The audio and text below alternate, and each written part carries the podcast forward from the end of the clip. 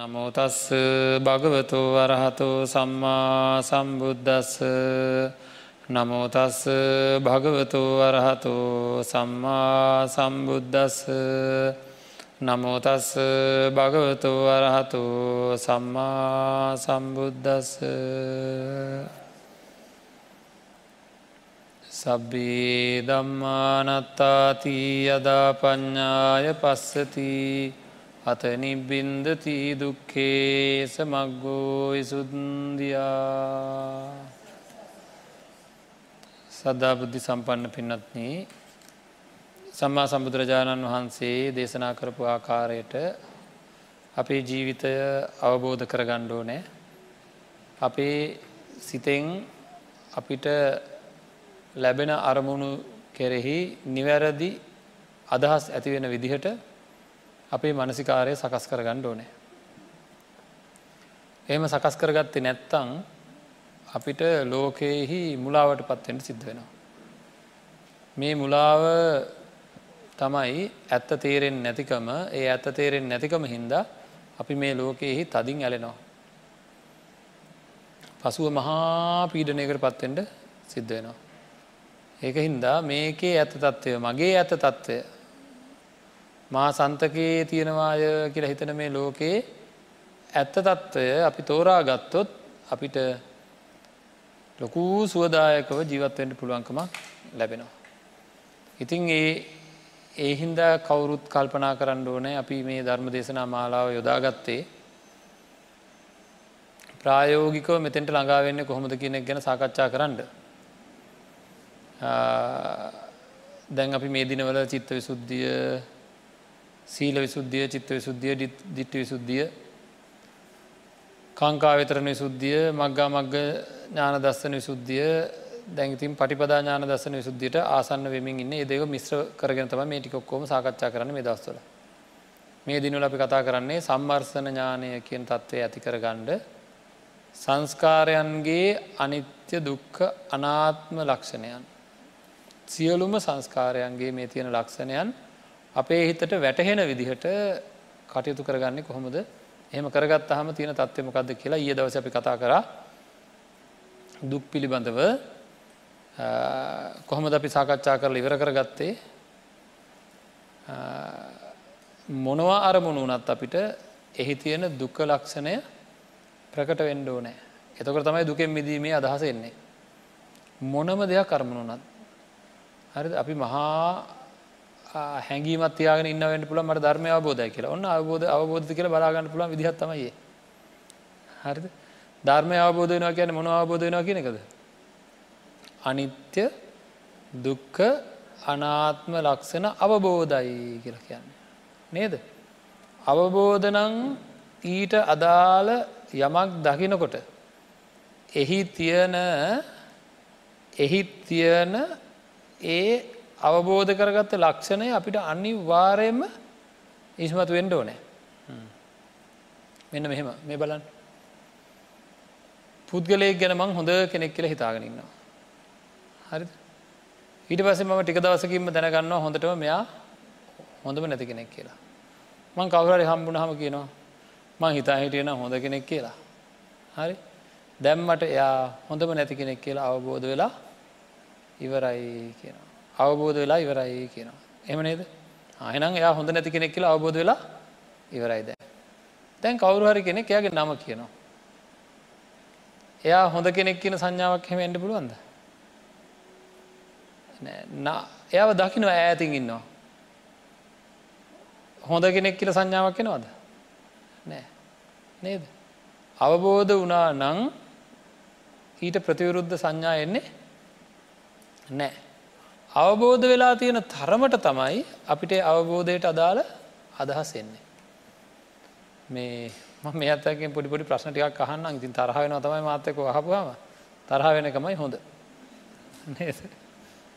මේ දරුවෝ දැක්කහම දුකයි කියල එහෙම හිතුනත් දන්න.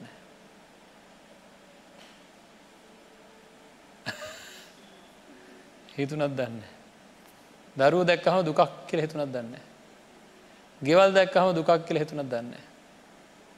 යානවාහන දැක්කහම මේවා මහා දුකක් කියල හිතුනත් දන්න.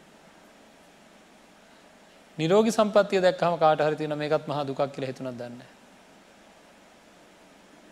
හරි බොහෝ භවබෝග සම්පත් පිරීල තියෙන අය දැක්කහම හම් වූ මහා දුකක් කියල හිතුනක් දන්න අන්න සංස්කාරයාගේ දුක්ක ලක්ෂණය අවබෝධ වෙමින් තියෙනවන ආං එම දැනෙන්ඩෝ නෑ පින්නත්ය ඇයි? අපි අපිට නැති දේ ගැන විතරක් සිතමින් ඉන්නවා. නේද? ගෙයක් නැති කෙනෙක්ගේ එකම් බලාපොරොත්තුමකක්ද කියනවත් එක්ක. මැරෙන්ට කලින් මට අන්නවර වගේ ගෙදරක ඉඳල මැරෙන්ට තිබ්බන ඇති කියලා. නේද? එහෙම කියනවා. ඒ වගේ ගෙයක් තියෙන අය සන්තෝසෙන්ම දන්න ඉන්නේ. ඒ ගැන මොහොතක් හිතුවද? නේද? දරුවෝ නැති අය කල්පනා කරනවා ලෝකේ මට දරු සම්පත ලැබුණ නම් මට අය මොකවත් ඕන්නේ මේ තියෙන කිසිම දෙකින් වැඩන්න මට දරුව හිටියන ඇති කියලා. නිකං හොල බලන්න දරුව ඉන්නයට කොහොම දන්න කියලා. නේද? විවාහවෙන්ඩ නැති අය කල්පනා කරනවා විවාහය තරම් තවත් දෙයක් මේ ලෝකයේ නැත කියලා. හරි. නිකමට හෙව්වත් දන්න විවාහ වෙච්චායට කොහොමද කියලා. ඒ අය කියන්න මකක්ද විවාහ නොවී ඉන්න එක තරම් සැපක් මේ ලෝකේ නැත කියලා. නේද? මොනවද කියන්න මේ ලෝකයේ සැපයි කියලා අල්ලන්න තියෙන ඇයි අන්න අර හැමදේම වෙනස් වෙන ස්වභාවය හින්දා අනිත්‍ය ස්වභාවය හින්දා. නේද? අනිත්‍ය දෙයකින් සැප බලාපොරොත්තු වනානං ඇතිවෙන්නෙම දුකක්මයි පීඩනයක්මයි. අන්න ඒක දැන් කියනකොට තේරෙනවා. ඒක නෙවේ ප්‍රශ්න තියෙන්නේ. ඒ තේරි තේරෙනවා කියන හැඟීමට වැඩිය ඒක සැපයි කියන හැඟීම අපේ පැත්තෙන් ප්‍රබලව නැගිලා අරව ඔක්කෝම අමත කරනවා. හරි අකුසලේ ස්වභාවය තමයි මං හැවදාම කියෙන අකුසලේ ස්වභාවය තමයි ඇත්ත? වසං කරන දන්න ඇත්ත වසං කරලා දානවා. හරි? බලන්න මං කියන්න බොරුදු කියලා. කටක තියෙන කෙල සෙම සොටු දත්කහට ආදිය පිළිකුල්ද නැද්ද. ලෝකෙ ඔක්කගේම ඒ පිළිකුල් නැති කවුර ඉන්නවත් දන්න මේ ලෝකෙ? කවුරර ඉන්නවද? නෑ. හැමෝගේම පිළිකුල්. හොඳයි. ඒක හිද කවුරහරි පේරගෙඩිය භාගයක් කාලා දුන්නොත් අපි කයිද? නෑ. අප්‍රසන්නයි. නේද? එක කෙල ගෑවිලා ඇති දත් කහට ගෑවිලා ඇති අප අපිට නං එපා. අල්ල වීසි කරනවා. දරුවෙක් දුන්නොත් තමන්ගේ. තමන්ගේ දරුවෙක් දුන්නොත් කනවද නැද්ද? කොහොමදේ? අන්න අර පිළිකුල නම් පිළිකුලමයි මගේ හිතයි වෙනස් වෙලා තියෙන්නේ. හිත පිළිකුලෙහි නොපිළිකුල් සංඥාවක් හදලා. වහලා ඇත්ත වහලා. හරි ඒ වගේ දුකෙහි සැප සංඥා අනිත්‍යයෙහි නිත්‍ය සංඥා අනාත්මෙහි ආත්ම සංඥා මෙන්න මේ වගේ වැරදිලා අපේ හිත අපිෝ විකෘති කරනවා. හරි ඇත්ත තත්ත්වය වසං කරනවා. අන්නේකින්ද දැන් ඉතින් බලාගන්නු ඒ දවස අපි හොඳට තමන් මේ ලෝකයේ තියෙන ඇත්ත තත්ත්වයක් තමයි ලෝකයේ තියෙන අනිත්‍යදේ අනිත්‍යදේ වෙනස් වෙන දේ කොච්චර මගේ ළඟට ගත්තත් ඒක වෙනස් වෙන ස්වභාවය හින්දා දුක්ම දුක් මිස්ත්‍රිත සැපයක්ම ඇතිවෙන සැප ඇතිව නෑ කියන්න. නද? ම හැමදාම කියන අපි කැමති කෙනෙක් හම්බෙන ඉතින් සැපයින නද? හම්බුනාට හම්බෙන තැනම ඉන්න කොහොම දපි වෙනස් වෙයිද දන්න වෙනස් වෙන්ටරන් දෙන්න යන්ටනන් දෙන්නේ නෑ කියලා පීඩිත අල්ලා ගැනීමකින්ද නැද්දින්නේ දැන් වෙනස්සේ දැන් වෙනස්සේ කියලා. නිරෝගීව ඉන්න ළමයින්ව පාසල් යවනවා. එනකං ඉන්න බයන්ද නැද්ද? ඇයි බයෙන් ඉන්නේ? වෙවුලෙවුල ඉන්නේ. ඇයි එයාලා වෙනස් වෙයි කියලා. අත් කැඩෙයි කකුල් කැඩෙයි. නේද? නෑ. දැම් මේ දවසල ඩෙංගු හැමතනම. මොකද වැඩේ? වැඩි දෙනෙක් ඉන්නේ ලොකොඩක් බයෙන් දරුවන්ට ඩෙංගු හැදෙයි. එහෙනම් මේ වෙනස් වෙන ස්වභාවය තියනවත් එක් අපි හරි පීඩනයෙන් සතුටත් එක්කම අපිට ලැබිල තියෙන සතුටත් එක්කම ලොකු පීඩනයක් අපිට තියෙන ඇති හැමදාමෝක තියාගෙන ඉන්නද කියන්න? හැමදාම ඔන්නෝකින්ද තම මේ ඇතු දන්නෙම නැතු මෙන්න මේ වචන කියන මං හලතිනවා මට නම් දැන් ඇති වෙලා තියෙන්නේ කියලා. නේද? කියනද නැදේ මට නම් දැන් ඇති වෙලා තියෙන්නේ එපා වෙලා තියෙන්නේ කියලා කියනවා. ආන්ගේ පීඩනය තමයි හරි. ඒ මදිවට බලන්ටක කවුහරි හිතවත්ම කෙනෙක් තනියම ඉන්න වෙලාවක. ඇ තමන්ගේ යාලුවෙක් කෙනවා ගෙදරක. කවුරුවත් නෑ ගෙදර. සාමාන්‍ය මොනවත් දන්න කියන්නේ? සති පට්ටහනය වඩනවද? ආනාපාන සතිය වඩනවද? මොනවද මේ දවසල කරන භාවනා? සක්මන් භාවනාව ගැන දන්නවද? එහෙමද කියන්න? ඒවද කියන්නේ? නෑ මොනාද කියන්නේ අඳුනාව කියන්නේ දන්නවද දැන් ඉතින් මෙහෙමයි මෙහෙමයි අයියෝ මෙහෙමයි අයියෝ අයියෝ අපෝ කියෙන වචන ඉවරක් නෑ කොච්චර කිය වෙලා ඇද ඔය ඔක්කෝ මොකක්ද මෙන්න මේ තියෙන දුක්කිත දුක්කිත දේවල් සැපකොට ගත්ත හින්දා ඇති වෙලා තියෙන පීඩිත තත්ත්වය. ඉතින් ඒවා දුකෙහි දුක් සංඥාම එන විදිට අපිට හැදෙන්ඩ ඕනෑ. ආහාරයක් දැක මේක දුක් උපදවන දෙයක් කියලා තමට දැනෙන්ට ඕනෑ. පංචුපාදානස් කන්දයම හරිද මේ ආහාරය වරද්ද ගත්තොත් මං මහදුකට පත්වෙනවා. සිහියෙන්ම පාවිච්චි කරන්න ඕන. කවදාහරි දවසක දුකෙන් අතමිදෙන්ට නම් මොකක්ද වෙන්ඩ ඕන. දුක දැනෙන්ඩෝ නෑ දුක අවබෝධ වෙන්ඩෝ නෑ දුක පිරිසිඳ දැනගණ්ඩෝ නෑ මේ සංස්කාරයන්ගේ හැම නිමේශයකම තියෙන විපරිනාම දුක් සංස්කාර දුක් කියන මේ හැම ෂණයකම තියෙන දුක්කිත ස්වභාවයන් හොඳීන් තේරුම් ගණ්ඩ ඕනේ. හරිද හොඳින් තේරුම් ගත්ත කියන්නෙම බලන්ඩ මට කොච්චර ධර්මය අවබෝධද ඉති මතක තියාගණ්ඩ ඕන අහවල් තැනැත්තා ගැන දැන් අපි ජනප්‍රිය පුද්ගලයෙක් කියනවා. කියනව සමහරය හිතන්න එයා හොඳයි කියලා. හරි එයා සමහරයාගේ නරක හොඳට දන්නවා. සමහරයාගේ හොඳ දන්නවා. සමහරය දෙකම දන්නවා. එක කෙනට එක එක්කෙනට හැඟීම් වෙනවා සමහර කට්ටිය කියන යා හොඳයි කියලා හරිියත්දානවා. සමහර කට්ටිය නරකයි කියලා වැරද්දත්දානවා. එතකොට එක එක්කෙන එක එක්කෙනට එයාව හොඳයි කියලා දැනෙන ප්‍රමාණයක් තියෙනවා. ඒ ප්‍රමාණය කොහොමද හැදෙන්නේ. දන්න හොඳ සහ නරක දෙක අපේ හිතෙන් වේගෙන් සංසන්ධනය වෙලා. නේද. හොඳ කෙනෙද නරක කෙනෙද සාමාන්‍ය හොඳ කෙනෙද සාමාන්‍ය අර කෙනෙද කියලා අතීතයේ දන්න දේවල් අනුව නේද හැඟීමක් එන්නේ. නේද හොඳ වැඩියෙන් දන්නයට ආයා හොඳයි. හොඳ හොඳ දන්නගෙන නරකට්ටිකක් දන්නන කෙන එයා තරමක් හොඳයි. ඒ අපේ එන හැඟීම නේද හොඳ විතරත් දන්නගෙන ගෙන එයා හොඳටම හොඳයි කියනවා. නරක විතරත් දන්නගෙන කියෙන එයා නරකම නරකයි කියනවා. නේද නරක වැඩිපුර දන්න හොඳ ටිකක් දන්න කෙන ගෙන එයා තරමක් නරකයි කියලා. නේද ඒ විනිශ්චය ගණ්ඩ අපිට එතරම් වෙලාවක් යනවද. ඒ විනිශ්චය වචනයක්ද හැඟීමක්ද. ඒ විනිශ්චය මගේ හිතෙන් ඇතිවෙන වචනයක්ද හැඟීමක්ද.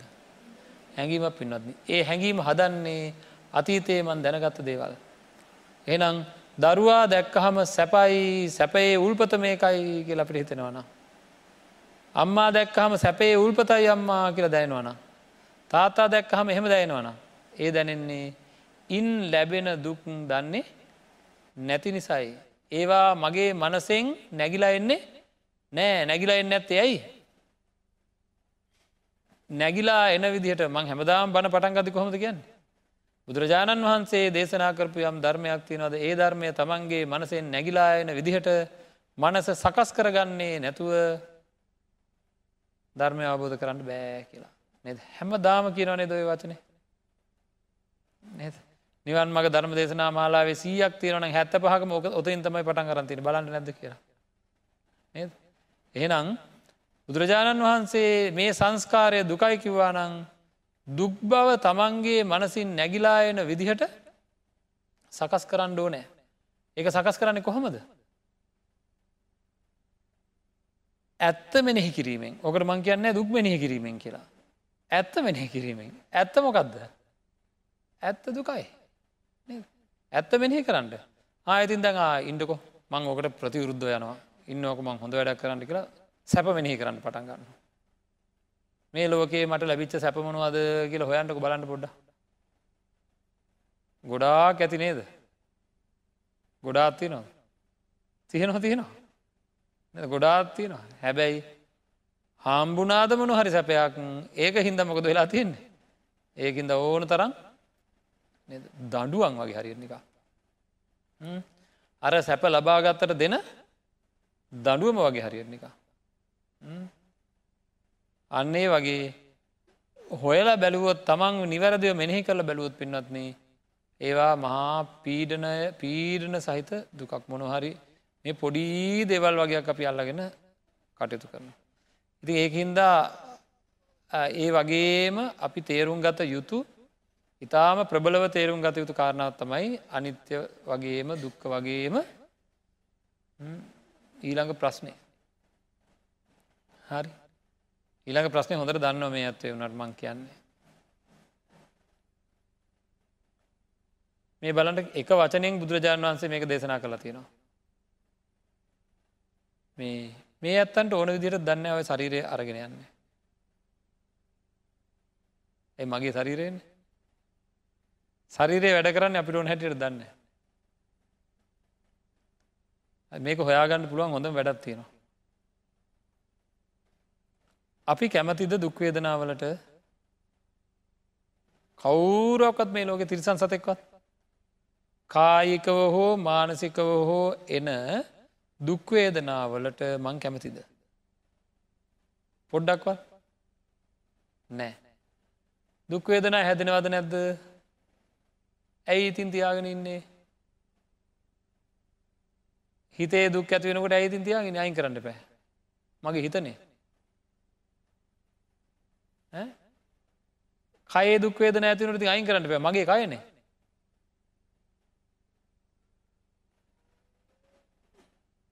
ආයිංකර හාමුදුරුවනේ මං. ඇයි දතේ දුක්වේදනායනකට මන් දත කලුල දැම්ම?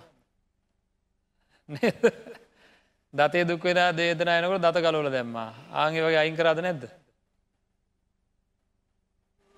එහෙම ඒවත්තිී නොනේද එතකොට දතෙන්ගෙන තුවාල වේදනාවට මොද කරන්න?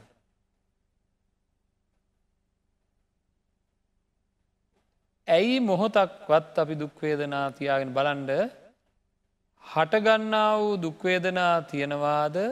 ඒ හටගන්නා වූ දුක්වේදනා මං කැමති වෙලාවට නවතින්නේ නෑ. ඒක නවතින්නේ වෙන මොකක් හරි වෙලාවක. නේද? මං කැමති වෙලාවක මට රුචි පරිදි නවතින්නේ නෑ. ඒක බලහත්කාරකමක් වගේද නැද්ද? නේද?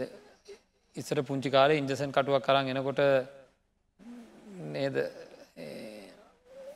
හෙද නිලධාරණයක් අපි මොකද කරන්න? බයදුවන හැන්ගෙන්ට හදන නමුත් මොක දෙන්න තුන්දන කරි අල්ලල අනිනවා. අරකේ. නේද? ඒ වගේ බලහත්කාරයෙන් හැදනේවද නැද්ද? කායික සහ මානසික දුක්වේදනා කියන්න. එක බලහත්කාරක මද නැද්ද?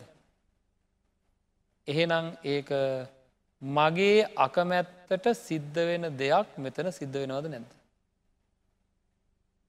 මං කැමතිම නැති දේවල් වගේයක් මේ ශරීරයේ සහ සිතේ මං කැමතිම නැති දේවල් වගේයක් හටගන්නවද නැද්ද. එන එක මට ඕන හැටිට වෙන්නේ. එන ආත්මද එහෙනම් ආත්මද මට ඕන හැටිට කරගන්න පුළුවන්කම තියෙන්ටුවන ආත්මයක්න නේද අනාත්මයි කියන්න පින්නති මට කොරන්ට දෙයන්නේ. දරාගෙන ඉන්ඩ වෙනවා. අනුන්ගේ ගෙදරක ගිහිලා ඉන්නවාගේ තම මේ ජීවිතේ. අනුන්ගේ ගෙදර ගිහිලා ඉන්නවට මොකද වෙන්නේ දෙන විදිර කණ්ඩෝන. නේද කියන විදිට ඉන්ඩෝනෑ. හරි මෙහකාරකමට අහුවෙලා ඉන්නවන අනුන්ගේ ගෙදරක. මෙහකාරකමට අහුවෙච්ච බව තේරලා තිනොත් දන්න මේ ඇත්තන්ට. වහල්කමකට මෙහෙකාරකමකට අහු වෙලා වගේ හරි දැම් මේ බණ කියන ගම මං කීසරයක් හැරුණද නේද මොකද දැම්මම් මෙ මැරෙනවා මේ පැත්තට ඉන්නවා මේ පැත්තට ඉන්නවා. මොකදයි ඔවු. ශරීරයේ වහල්කමට ගිහිල්ලා ඉන්නෙම ඇයි? මේ ශරීරයේ මට කියනවා දැන් හැරෙනවානි පැත්තට කිවගමන් ඔවුන් හැරෙන්ටුව දැන් හැරෙනවානි පැත්‍රකිවගමන් ආය හැරෙන්ඩෝන එහෙමද නැද්ද? එනම් ශරීරයේ වහල්කමකට ගිහිල්ලා. ශරීරය මාව ඕන ඕන විදිට නටවනවා. නලියන්ට කිවොත් නලියන්ඩෝ නෑ කසන්ට කිවොත් කසන්ඩෝ නෑ වතුර දෙන්නකිව වතුර දෙන්නඩෝ නෑ නේද? නිදිකරවන්ට කිවොත් එහෙම. ආය බලාත්කාරකම කොච්චර කියනවදං ඔය ඉන්න ගමන් පවා බනාහන ගමන් පවා හරහට දානවල්ලලා. බණ කියන ගමනුත් වෙලාවකට හෙමයි නේ ඉතින් එහෙම තමයි. මොකද කරන්නේ? අයිතිය අපිට නෑ. මේ ශරීරයේ අයිතිය අපිට නෑ. එතකට අන්න ඒ ස්වභාවය මුළු සංස්කාරයන්ගේම තියෙනවා. හැම්ම තැනම තියෙනවා. බලන්න නැත්තැනත් තියනොද කියලා? මට ඕන හැටියට කෙරෙන්නේ නැති ස්වභාවය හැම තැනකම තියෙනවා. ඒ වුණට සමහර වෙලාට මට දැන මට ඕන හැට කරනවාවාගේ ඒක තම මේ රැවටෙන්නේ. හරිද? මංගකට ගිය පෙරේදත් ඔය උදාහරණය කිව්ව මේ අත්තන්ට තේරුම් ගන්නඩ ලෝකයේ නීතියක් තියෙනවා. අපි කොහැ රටකට ගිහිල්ලා? ඒ රටක තියෙන නීතියට යටත්ව අපි ජීවත් වෙනවා. ඒ නීතියට අපිට ඉන්න පුළුවන්. නීතිය අභිභවායන් බෑ. ඒවගේ මේ ලෝකයේ නීතියක් තියෙනවා. වතුර බිව්වොත් පිපාසාව ඇරෙනවා කියන එක ස්වභාව ධර්මය තියෙන නීතියක්. එනම් පිපාසාව නැති කරන්න මංමොකද කරන්න ඕන? පිපාසාව නැති කරන්න වතුර බීලා මම කියනවා මම පිපාසාව නැති කරා කියලා. මම පිපාසාව නැති කරගන්නව නං මං මොකද කරන්න ඕන. පිපාසාව ආපුහාම හා නැති වෙනවා. වතුර නැතුව මට පුළුවන්ට උන එක් කරන්න. ආ එහෙමන කියන්න පුළුවන් මෙහෙන්ට මංවයාගේ විපාසාව නැති කරන්න. කල ඔල්ලුවට අත තිලා හා දැන් හරි කියලා පුළුවන්ට එහෙම පුළුවන්. කාගේ හරි පිපාසාවක් අපි නැති කරන්න නං ඒකට හේතුවෙන දේ දෙන්න ඕන. නේද මං පිපාසාව නැති කරා නෙවෙයි මම වතුර දුන්න කාට හරි. ආංහෙම රැවටෙනවා අපි. හරිද ළමයකුට හොඳ නරක කියල දුන්නහම හරි තරවට කරපු හාම හරි එයා ඔන්න කීකරුව ඉන්නවා. මං කියෙන මේ මම මේ ළමයාව කීකරු කරා කියලා. නෑ තරවටුව තමයි මෙයාව තරවටුවෙන් හෝ හොඳින් හොඳින් කියල දීමෙන් හෝ කරුණු වටහා දීමෙන් එයා කීකරු වෙලා හේතුව වෙන එකක්. මම කියනවා මම කලා කියලා. ලෝකයේ තියෙන සමහර නීතිවලට එකඟව මම වැඩ කරනකොට මට දැනෙනවා මං කරන එක සිද්ධ වෙනවා කියලා. හරි රැවටෙනවා අපි. ඒකට රැවටනවා වෙලාවට ඒක වෙන්නෙත් නැති වෙන හැබ සමහරලාවට. කොච්චර වතුර බිවත් පිපාසාාව යන්න නැති වෙලාවලන එක කසනී පැදිලා. කොච්චර හොඳ නරක කියල දුන්නත් කොච්චර තරවට කරත් කාහරි මෙල්ල කරන්න බැරිලාවල් එනවා. නේද. බෙහෙත් බීලා මම ලෙඩ හොඳ කරගත්තා කියන මම කරගත්තා කියන කොච්චර බෙහෙත් බිවත් අඩුවෙන් නැති වෙලාවල් එනවා. නේද. එතකොට ඒ එකක්වත් මට තීරණය කරන්න බෑ මං ඉතින් පොඩි පොඩි දේවල් ටිකක් කරලා බලනවා. මං හැමදාම කියන්නේ මේක තේරුම් ගණ්ඩ මොකක් වගේ කියලද අපේ මේ ජීවිතය කුලී නිවසක් වගේ කියලා. මතකයි නේද කුලී නිවසක් වගේ කියන්නේ කුලී නිවසමට දොරවල් අරින්ටත් පුළුවන් දොරවල් හන්ඩත් පුළුවන් උත්සවයක් ගණ්ඩත් පුළුවන් වහදාලයන්ටත් පුළුවන්. හැබැයි මට මගේ කියෙන අදහසක් එන්නේ නෑ ඇයි එන්න ඇත්තේ එක කුලී නිවසක් හින්ද. ඇයි කුලී නිවසි තියෙන ස්වභාවය තමයි ඒක කඩන්ඩත් බෑ හදන්ඩත් බෑ පාටගාණ්ඩත් බෑ. ඒක කාටවත් දෙන්නත් බෑ. යන්ට කිවොත් යන්ඩ වෙනවා. නේද. එතකොට මේ ජීවිතය තමන්ගේ මගේ කියලගත්ත මේ ශරීරය. මට පුළුවන්ද මේ අත දිග වැඩීම එක කොට කර ගණ්ඩෝ නෑ. මේ කකුල කොට වැඩීම එක දික්කර ගණ්ඩෝ නෑ. මේක මහත වැඩී කෙට්ටු කර ගණ්ඩෝ නෑ. මේක කෙට්ටු වැඩී මහත කර ගණ්ඩෝ නෑ. කළු වැඩී සුදු කර ගණ්ඩෝ නෑ. මූුණ හතරැස් වැඩී රවුන් කර ගණ්ඩෝ නෑ. රවුම් වැඩි හතරැස් කරගන්න ඕන පුළුවන්ද මොකක්වත්ම කරගන්නඩ බෑ. ඒවා ඔක්කෝම මට ඕන හැටිට වෙනේවා නෙවෙයි. අන්න ඒ ලක්ෂණයට කියනවා අනාත්ම ලක්ෂණය කියලා. හරිද? මට ඕන විදිහට සිද්ධ වෙන්නේ නෑ. මට ඕන විදිහට සිද්ධ වෙන්නේ ඉතිං අජ්ජත්තික බහිද්ධ කියන මේ මේ කමයේ මේ අනාත්ම සංඥාව ඇති කරගන්න විදිහ ගැන අපි ගොඩා කතා කරා. හරිද? ගොඩ දේවල් කතා කරලා තියෙන මේ වෙනවාට. නමුත් මේ වෙලාවේ අපිට ඕනෑ සියලු සංස්කාරයන්ගේ අනාත්ම ස්වභාවය. මේක සම්මර්සන ඥානයක් විදිහට. ඈත තියෙන ළඟ තියෙන සන්තකයේ තියෙන සන්තකයේ නැති. හරි. ඊළඟට අජ්ජත්තික බාහිර මේ ලෝකයේ තියෙන සියලු දේ ඒවාට ඕන හැටියටම හැමදේම වෙනවා කියල තමන්ට දැන්ට. මට ඕන හැටියට නෙවෙයි. මගේ ශරීරයත් එහෙමයි අන්තිමට මොකද වෙන්න ඒවත් මට ඕන හැටියට නෑ මෙව්වත් මට ඕන හැටියට නෑ මේකට බාධාවෙන ලොකුම දේ ලොකුම කාරණා දෙකතුනත් වෙන මගේ ඒ දෙකතුන ඉක්මට මතක් කරන්නම් මේකට ප්‍රතිවරුද්ධ අදහස් වගයක් කෙනවා. ඔබහන්සේ කියනවන අපිට පාලනය කරගන්න කියලා. නේද. මම කියනවා මේ අත්තන්ට බුදුරජාණන් වහන්සේගේ ධර්මයට අනුව අපි හිත පාලනය කරගන්නඩ කියලා. එතට ඒක පාලනය කරන්න කවුද කියලා හොත මොකක්ද නුත්තර.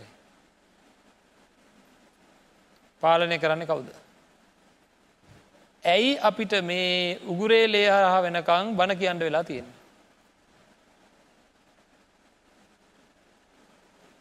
එකක් කිව්ව නඟිවරයිනේ. පාලනය කරගණ්ඩ පාලනය කරගන්නකි වන ඉවරයින්න. ඒක විතර ඇනි කියන්න තියෙන. ඇයි මෙච්චර කියන්න වෙලා තියෙන. පින්නත්න අද මේ ඇත්තෝ ළඟ යම් කිසි පුංචි හරි පාලනයක් තියෙනවා නම් ලොකු පාලනයක් තියෙනවා නම් මධ්‍යස්ථ පාලනයක් තියෙනවා ඔය ඔක්කෝම කල්්‍යයාන මිත්‍රයන්ගෙන් තමන්ට උදව් කරන අයගෙන් දෙමවපියන්ගෙන් ඇහිච්ච හොඳ නරක හින්දා තමන්ගේ හිත තුළ ඇතිවන හැඟීම්ද නැද්ද. නේද. ඒවා නෙවේද හැදි හැදී එන්නේ. දැන් අද මේටික අපි මොනහරි අහගත්ත හම අනාත්ම සංඥාවටිකක් වැඩියෙන් එනවද නැද අද දවසේ. නේද. එහෙනම් ඇහිච්ච දේවල් දැනිච්ච දේවල් පෙනිච්ච දේවල් හේතු වෙනවද නැද්ද මගේ සිතේ පාලනය ඇතිවෙන්න.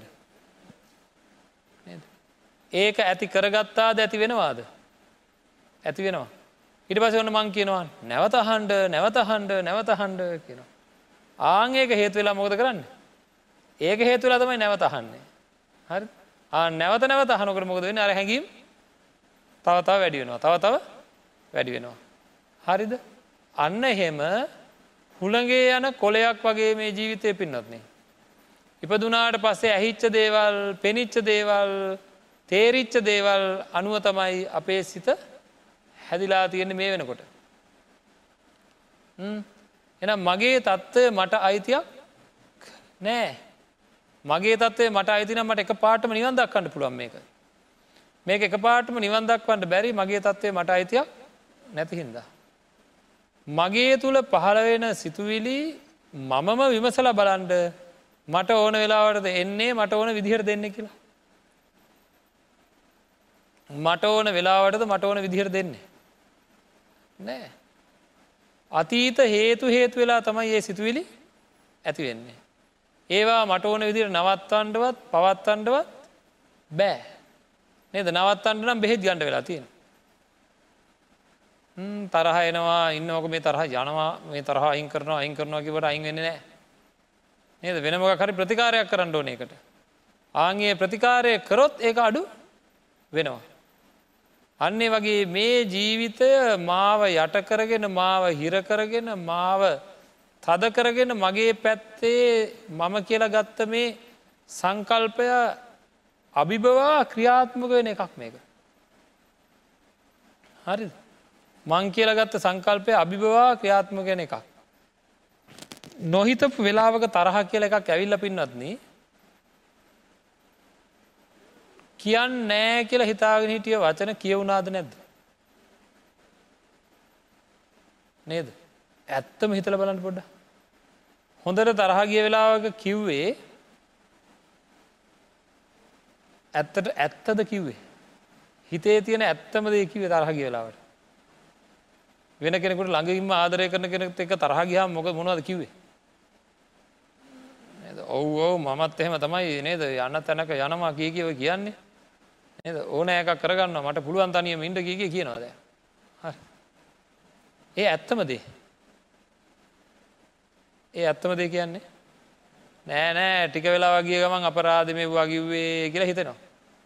හැබැයි එහ පැත්තෙන් ඒ විදිර තරහ කියලා කිවහම අපි කොහොම හිතාගන්නේ තරහ කියලාට තමයි හිතේ තිය නොක්කොම එලියට එන්නේ කියලා ඒව ඇත්ත කියලා ගන්නවා. නේද. හැම වෙලේම තමන්ගේ පැත්තත් එක් එහා පැත්ත සංසන්ධනය කර ගණඩ පුරුදු වෙන්ඩෝ නෑ. හරිද. මේකේ ඇත්ත වැටහෙනකොට පින්නත්න අපිට එහා පැත්ත එහා පැත්තේ නිවැරදි බව තේරෙනවා එහා පැත්ත නිවැරදිව තේරෙනවා. නිවැරදි බව නෙවේ නිවැරදිව තේරෙනවා. ඒ පැත්තේ ඇත්ත තත්ත්ව තේරෙනවා. ඒ තේරීමත් එක්ක හොඳට වටහ ගණඩ පුළුවන්කම තියෙනවා ඒවා එයාට අයිති නෑ. ඒ පැත්තෙන් කියන කරන දේවල් ඒ ඇත්තන්ටත් අයිති නෑ. මේ පැත්තෙන් කියන කරන දෙවල් මට අයිතියකුත් නෑ ඒ පැත්තෙන් කියන කරන දෙවල් ඒ පැතට අයිතියකුත් අයිතියකුත් නෑ. ඕක කිව්හම මොකද හිතුනේ.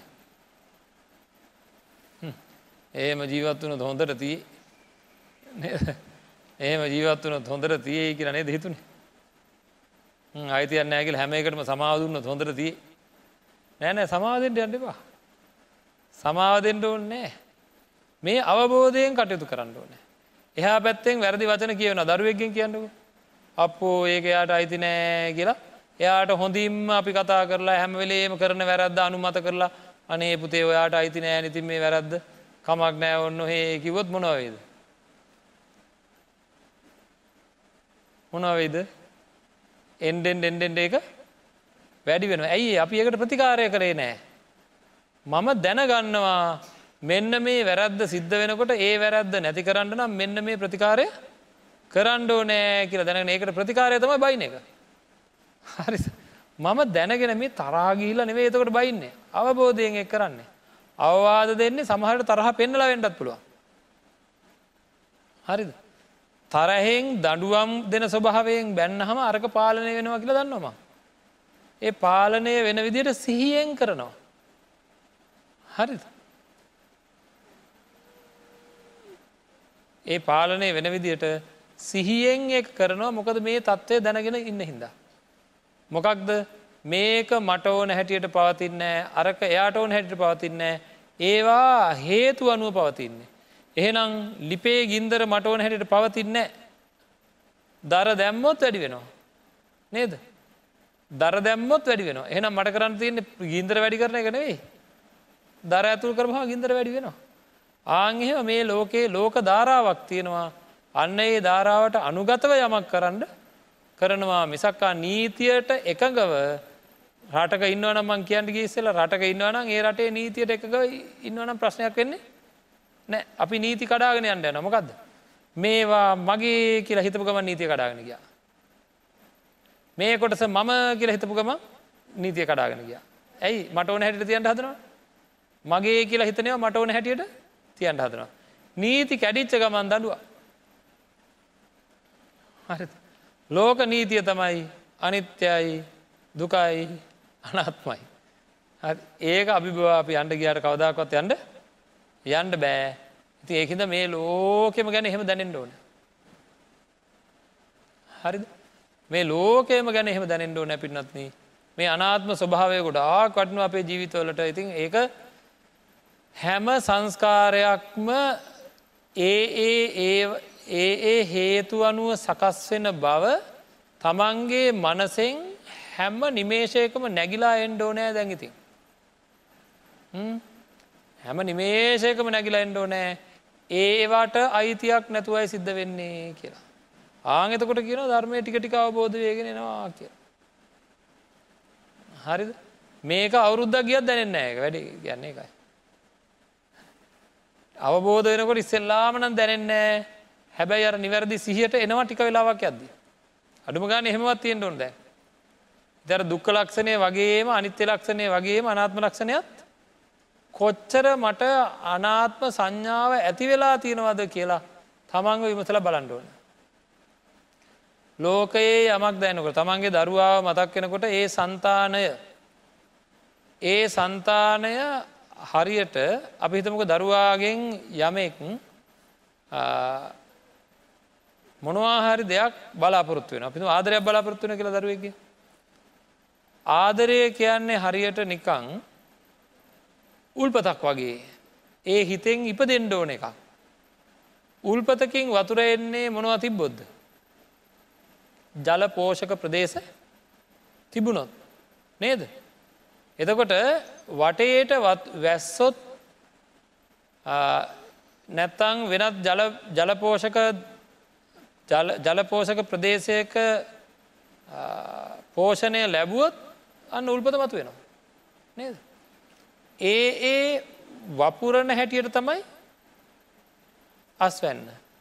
ඒ වගේ මගේ දරුවාගේ සන්තානයේ අතීත මං ගැන තියෙන ලෙංගතු සිතුවිලි යටවෙලා යටවෙලා නැත්තං ඔන්න ආදරය කියනක උපදිනවා.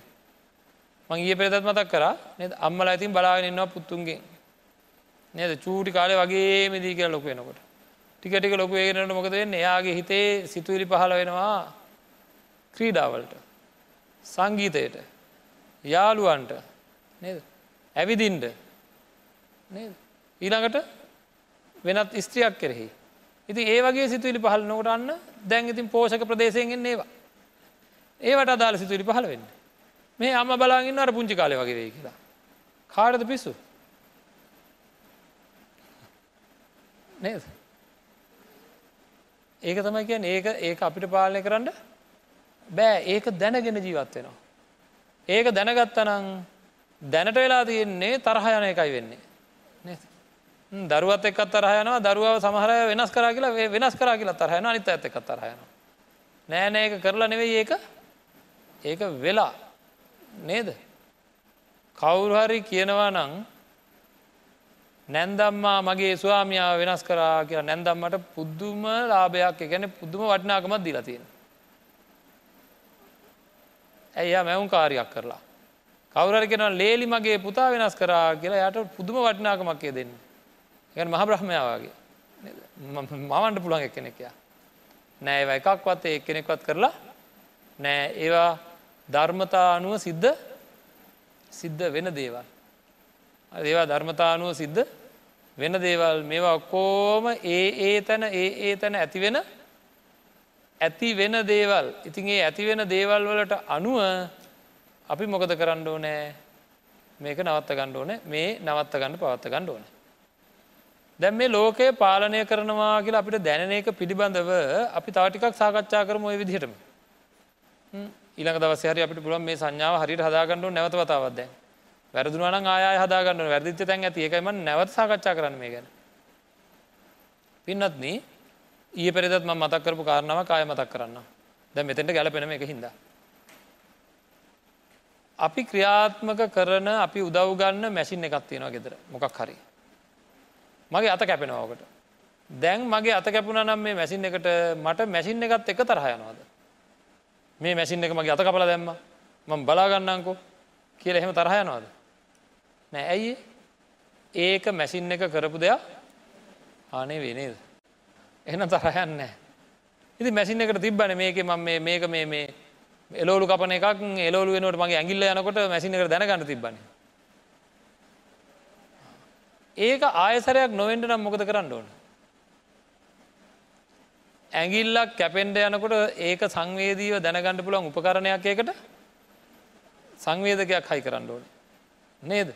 ආහෙම එකක් හයිකරොත්දන් ඒක ඒක දැනගන්නවා.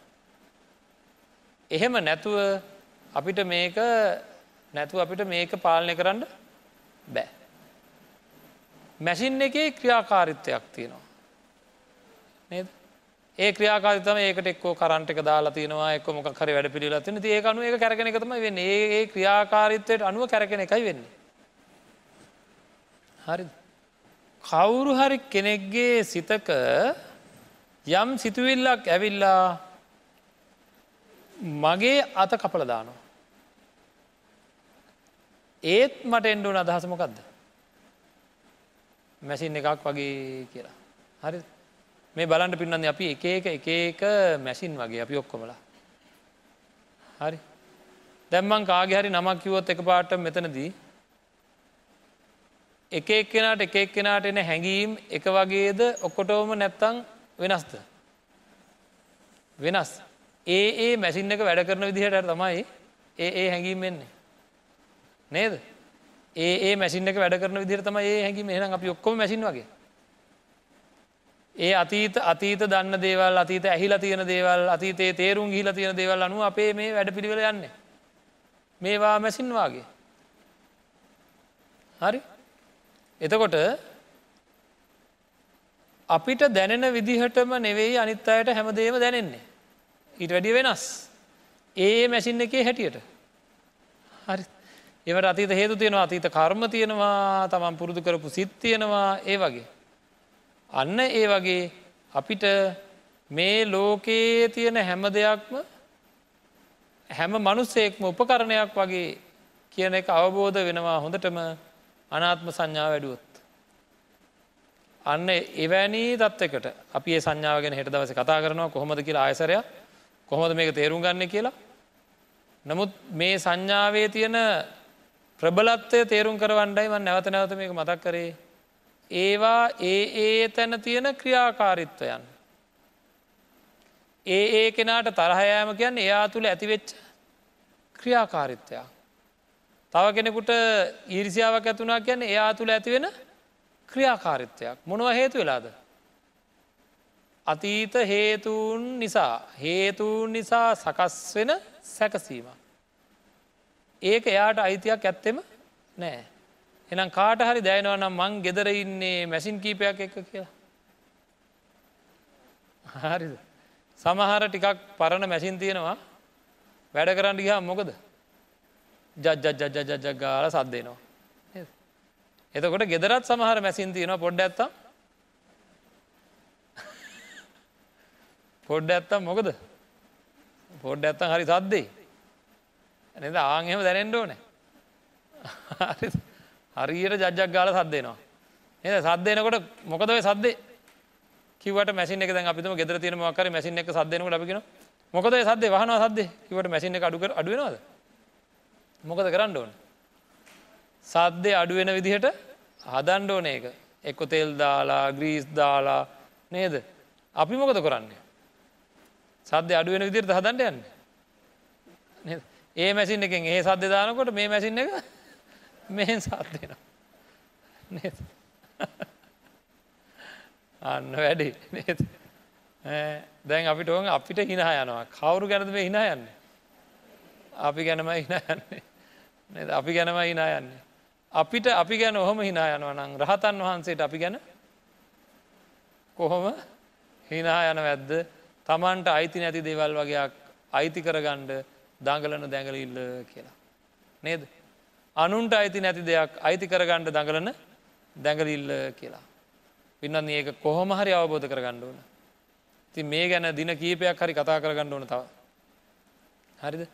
මුළු ලෝකයම පිළිබඳව අනාත්ම හැඟීම උපදවාගන්න එක ගැන වැඩිමනත් කතා කරමින් කරමින් කරමින් කරමින් කොහොම හරි අපේ හිතේ යමෙක්ගේ ක්‍රියාකාර්තයක් දැක්කහම ඒක එයාටවත් අයිති නැති මටත් අයිති නැති වැඩ පිළිවෙලක් විතරයි කියලා හැඟීමක් විදියට හැදෙන කං මොකද කරන්න ඕනෑ? මෙනෙහි කරන්න ඕන. මෙනෙහි කරන්න ඕනෑ. පුළුවන් තරම් මෙනෙහි කර කර මෙනෙහි කර කර මෙනෙහි කර කර නේද? ඉතිගේ මෙනෙහි කරන විදිිය දේශනා කරා. මේ රුක්ක මූලයක් කරන්නයක් සුඥාගාරයක් හොයාගෙන චක්කුන් අනත්තා රූපං අනත්තා සෝතන් අනත්තා සද්ධානත්තා ගානං අනත්තා ගන්ධානත්තා මේ විදියට බුදුරජාණන් වහන්සේ මේ මෙවැනි හැඟීම් උපදවා ගැනීම සඳහා කළ හැකි සියලු දේ මෙනෙ කර. සියලු ධර්මතාවයන් අඩුම ගානේ නිර්වාණ සාන්තිය පවා ආත්මකොට ගණ්ඩ බෑ. ඒකයි සබ්බේ දම්මා අනත්තාති කියල සඳහන් කරේ. සියලු ධර්මතාවයන් අනාත්ම ස්වභාවේ තියෙන්නේ. මට ඕනැට පවතින්නේ ති ඒකින්ද විශාල වගකීමක් තියෙන මේ ලැබිච්ච ජීවිතය ම ධර්මය අවබෝධ කරගත්තොත් මට මගේ හිත වෙනස් කරගත්තොත් ලොකූ සැනසීමකින් ජීවත්තෙන්ට පුළුවන්කම තියෙනවා. ඉතින් ඒ වගේ තත්ත්වයකට පත්තෙන්ට මේ ජීවිතයත් සුවපත් කරගෙන සසර ජීවිතයත් සුවපත් කරගෙන. මට එවැනි තත්වකට පත්තෙන්ට අවශ්‍ය කරන ධර්මඥානය මමත් ලබාගෙන අන්න අයටත් ඒ ධර්මය ලබාදීලා කටයුතු කරනවා කියල මේ ඇත්තෝ බොහෝම කැපකිරීමකින් තමන්ගේ බාහු බලය යොදල හරියම්භ කරගත්ත ධනය පැදන් කරලා ධර්මදානමය පුුණ්‍ය කර්මයක් ලබලා දුන්න මේ බණ ඇහිච්ච ඇහිච්ච වාරයක් වාරයක් ගානෙ කොතනෙක හෝ කෙනෙක් සූපත්වෙනවා නං ඒ ඇත්තන් සුවපත්වෙන වාරයක් වාරයක් ගාන මේ හැම දෙනාටම උතුම් නිර්වාණ අවබෝධය පිණිසම මේ ධර්මදාන මේ පුුණ්‍ය කර්මය හේතුවේවා කියල ප්‍රාර්ථනා කරනවා. ආකා සට්ටාච බුම්මට්ටා දේවානාගා මහිද්දිකා පුඤ්ඥන්තන් අනමෝදිත්වා චිරංරක්කන්තු ශාසනං චිරංරක්කන්තු දේශනං චිරංරක්කන්තු මම් පරංතිී